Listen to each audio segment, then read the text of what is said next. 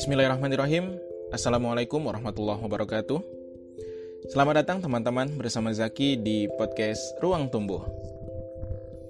Nah, akhir-akhir ini negeri kita diramaikan nih dengan wabah COVID-19. Di berbagai media, ramai-ramai memberitakan update tentang wabah tersebut. Baik itu di timeline Instagram, Twitter, televisi, ataupun media lainnya.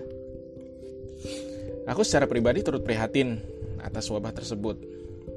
Ya, tidak dapat dipungkiri bagi sebagian orang, wabah tersebut memang memberikan ketakutan yang sangat luar biasa.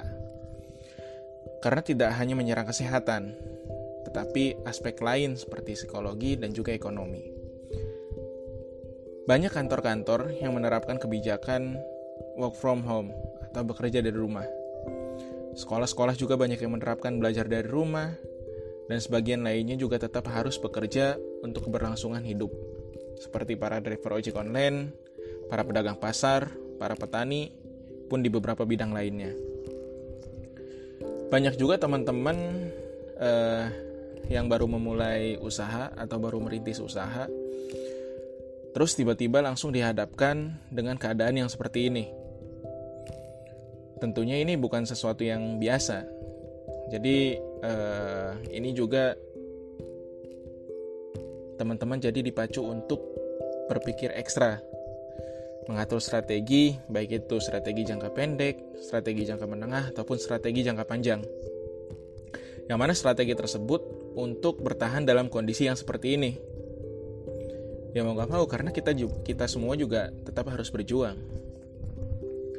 Nah, di podcast kali ini saya akan bercerita dan merefleksikan surat Al-Insyirah ayat 5 dan uh, ayat 5 sampai dengan ayat 8.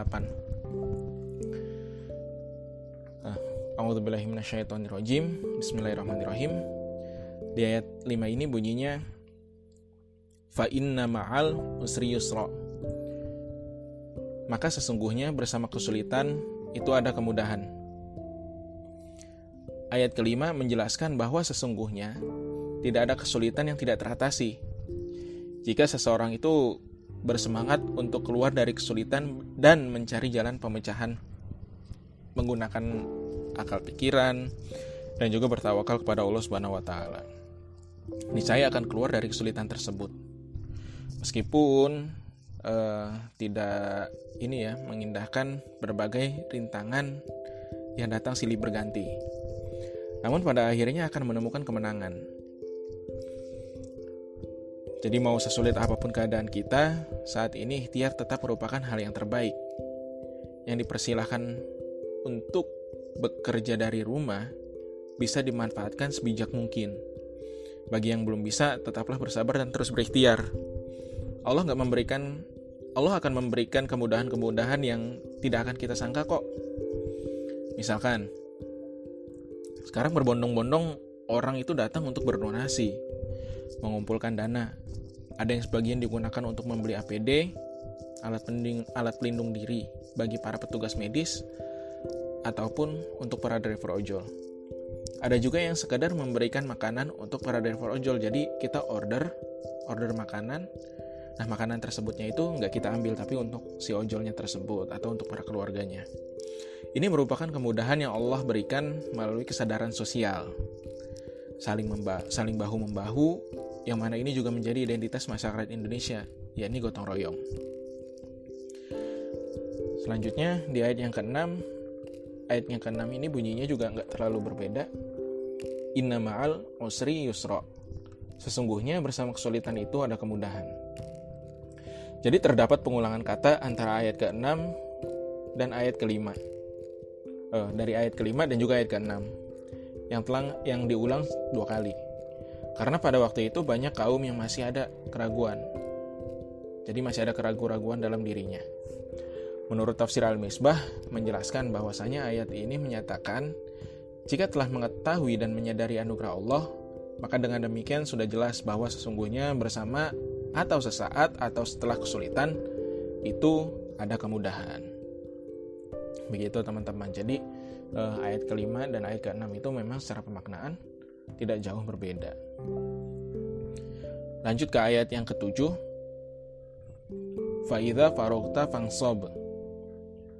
Faida farokta, maka apabila engkau telah selesai, maksudnya selesai dari suatu urusan, fangsob, tetaplah bekerja keras untuk urusan lainnya.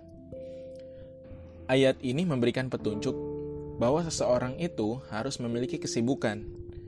Bila telah berakhir suatu pekerjaan, maka harus memulai lagi dengan pekerjaan yang lain. Di ayat ini juga mengajarkan kita untuk terus produktif tanpa harus menyia-nyiakan waktu. Ini relate banget nih sama kondisi saat ini. Kan banyak nih orang-orang yang lagi work from home. Di mana uh, eh, work from home ini sangat membutuhkan self-disiplin yang tinggi. Agar segala tugas tentang jawab itu bisa terpenuhi dengan baik, bisa terlaksana dengan baik.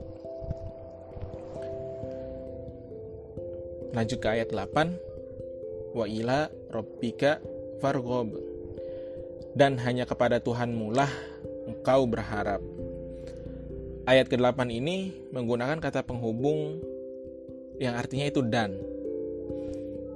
Jadi ayat ini menghubungkan antara ayat ke-7 dan juga ayat ke-8 yang menunjukkan bahwasanya antara kesungguhan, kesungguhan dalam berusaha dengan harapan itu eh, dengan harapan itu memiliki kecenderungan kepada Allah Subhanahu wa taala.